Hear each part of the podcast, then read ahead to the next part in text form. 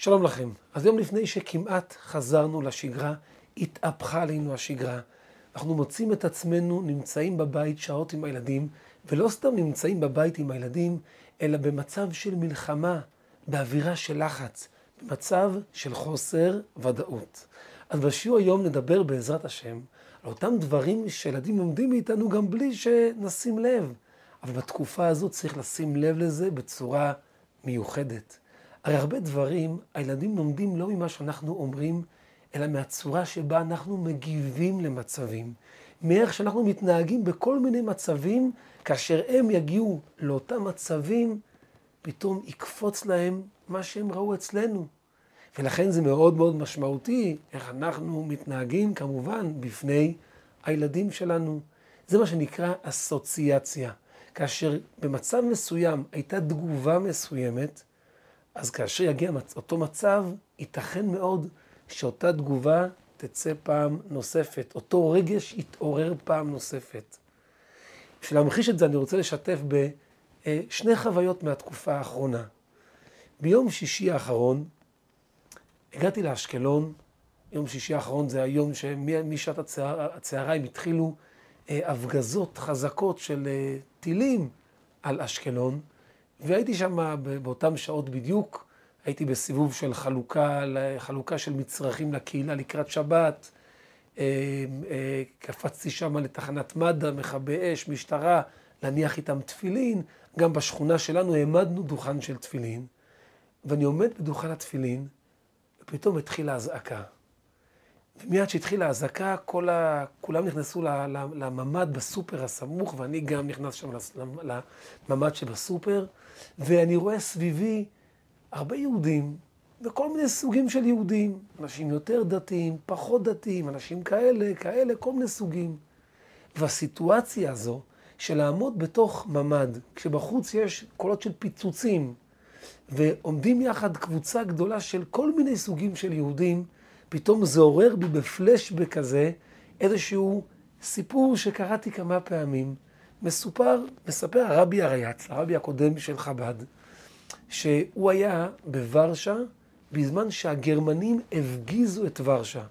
הוא מספר שהוא נמצא בתוך מקלט עם קבוצה גדולה של יהודים, והוא מתאר שיש שם כל מיני סוגים של יהודים, יהודים שומרי תורה ומצוות, יהודים שעדיין לא שומרים תורה ומצוות, כל מיני סוגים של יהודים.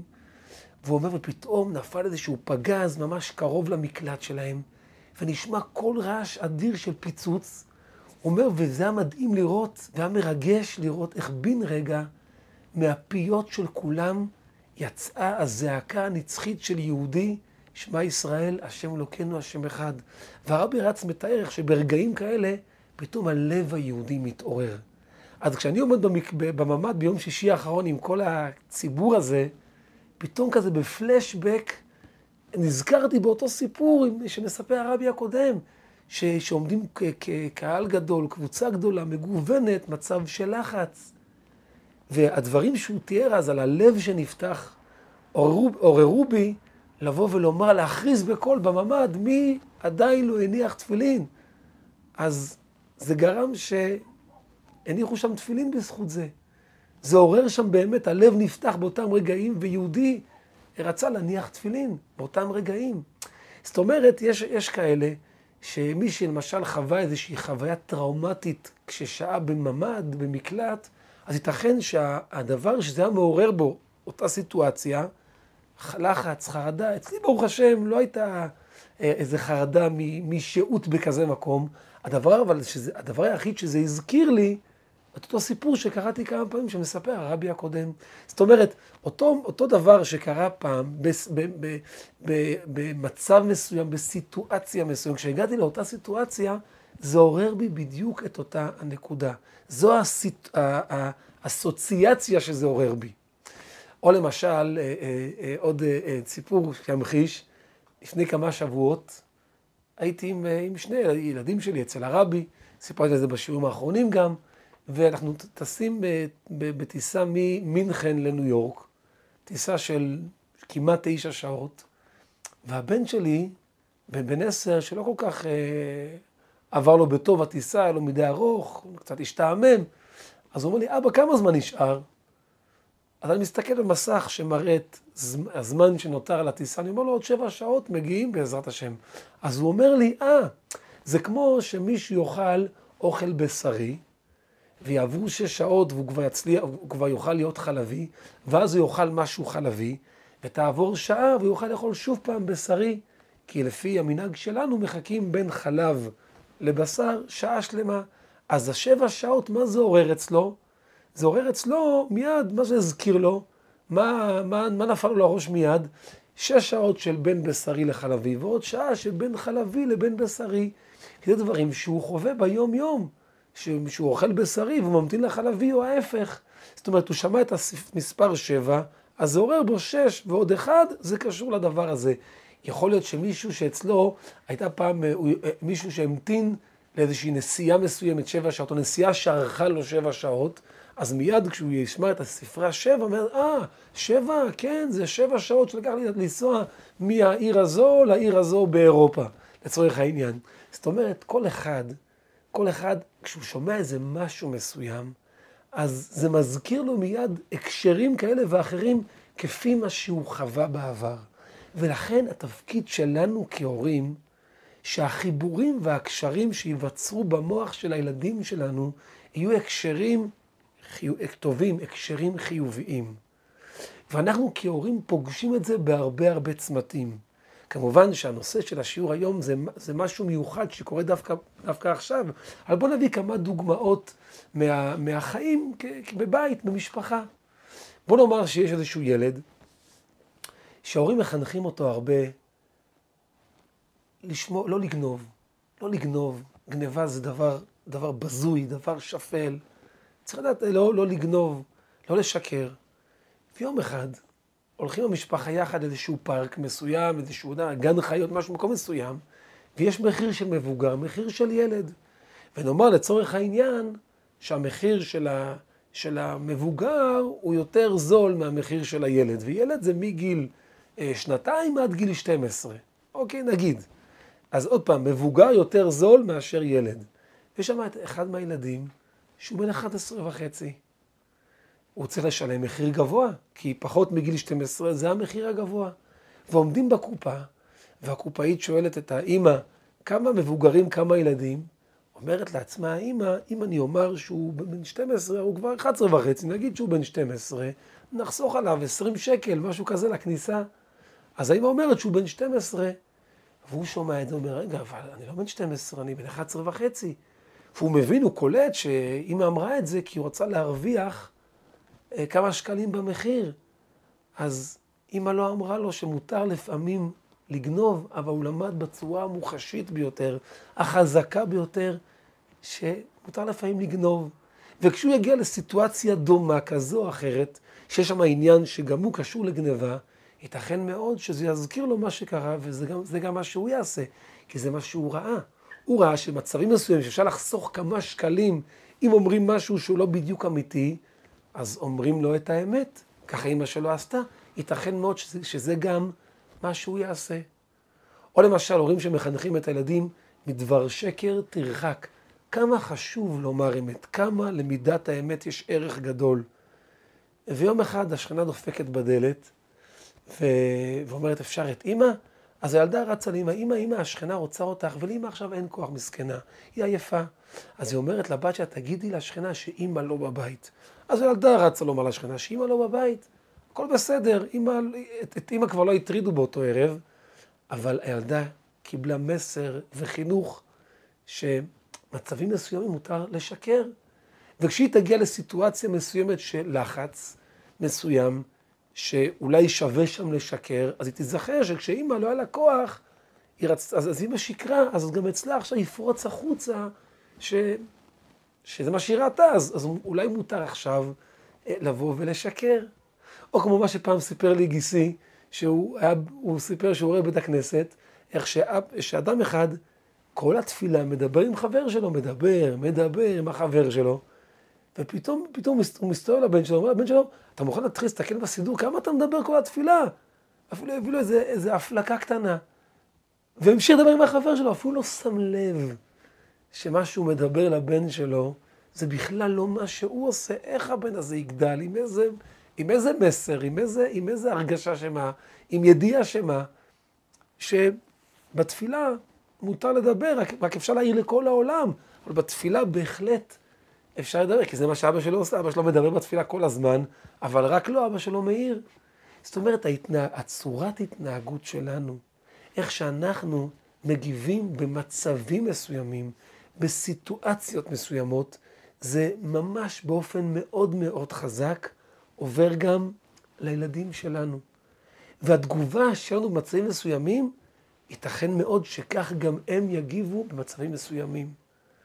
אני מכיר מישהו למשל, שהוא פשוט לא עוזר בבית. הוא לא עוזר בבית.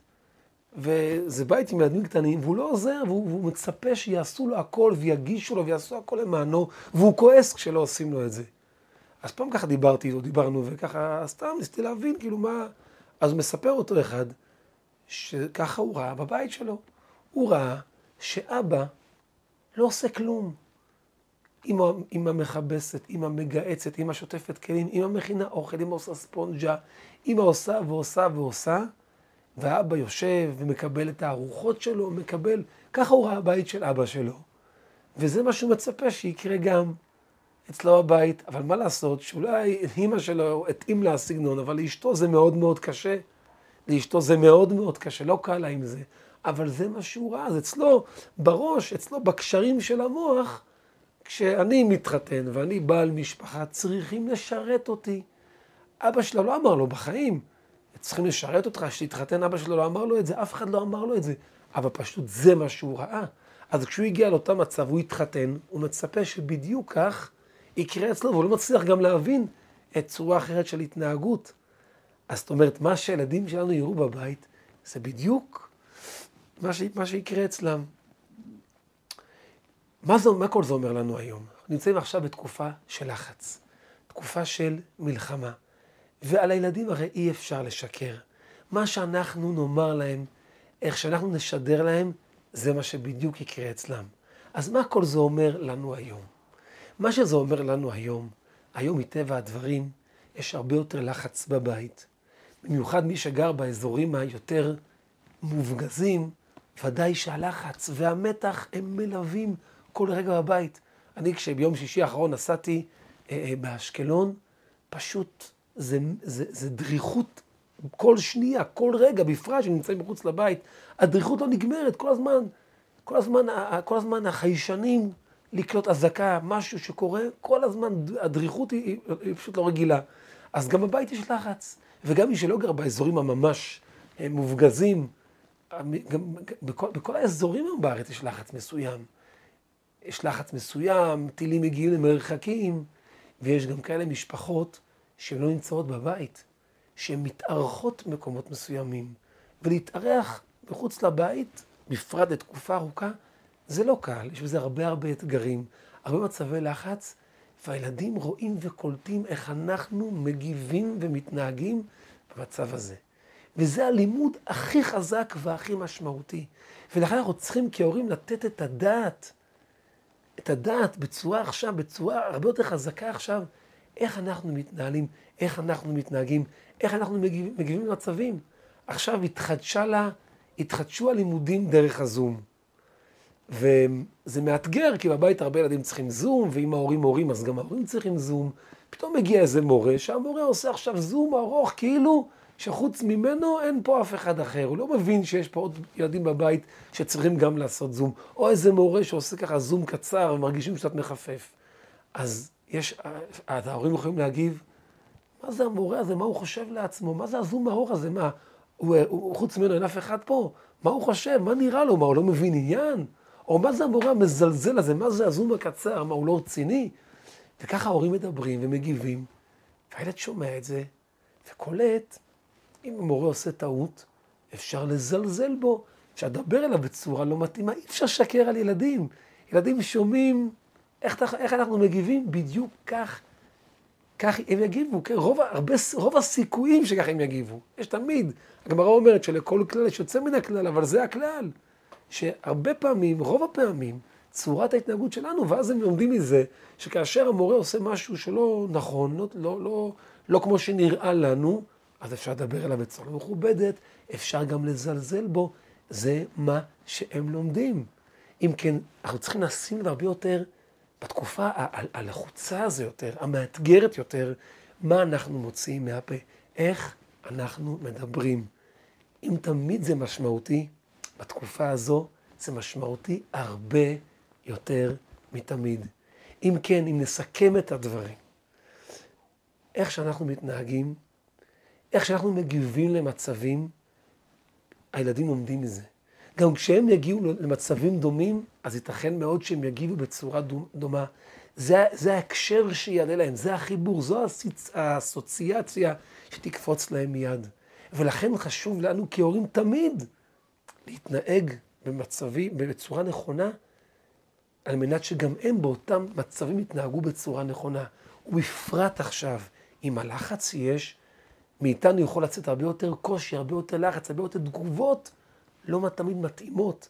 אז זה הזמן לשים לב, לשים, לשים דגש על הדברים האלה, לדעת, לשים לב איך אנחנו מגיבים, כי הילדים רואים הכל, ואי אפשר בשום פנים ואופן לשקר על הילדים שלנו. יהי רצון שבעזרת השם נעבור את התקופה הזו בצורה טובה, בצורה נוחה, כמה שאפשר. שלעם ישראל יהיה ניצחון גדול. שבעזרת השם, בעזרת השם, כל החולים יהיו בריאים. שלא ייפגע יותר אף יהודי, אף שערו, אף שערת ראשו של יהודי או של יהודיה לא ייפגעו יותר. שבעזרת השם כל החיילים יחזרו הביתה שלמים ובר... ובריאים בגופם, בנפשם. שכל החטופים יחזרו בריאים בגופם ובנפשם. והעיקר, עיקר העיקרים, הדבר החשוב המרכזי ביותר, שהקדוש ברוך הוא ירחם עלינו. ושהקדוש ברוך הוא יביא לנו את גואל צדק. וכשמשיח יבוא, אז לא רק שהחולים יבריאו, לא רק שהחיילים יהיו שלמים, לא רק שהחטופים והנעדרים יחזרו, אלא גם אותם יהודים קדושים, השם ייקום דמם, שנרצחו. גם אותם יהודים בעזרת השם יחזרו אלינו בתחיית המתים. יהי רצון שכל זה יהיה בקרוב ממש. ואני חושב שהמסר של השיעור הזה הוא מסר כל כך משמעותי, כל כך חשוב, במיוחד בתקופה הזו. שתפו אותו הלאה. שתף עם חבר, שתפי עם חברה. תני להם גם לשים לב לנקודה הזו. אין פה חידוש אולי גדול, אבל פשוט יש פה נקודה שצריכים לשים לב אליה, לתת עליה את הדעת. אז שתפו את זה הלאה. תנו גם להם לשים לב לנקודה הזו, כי היא כל כך משמעותית וקריטית, במיוחד, במיוחד בתקופה הזו. אז שוב פעם, בשורות טובות, גאולה שלמה בקרוב, אמן כן יהי רצון. תודה רבה.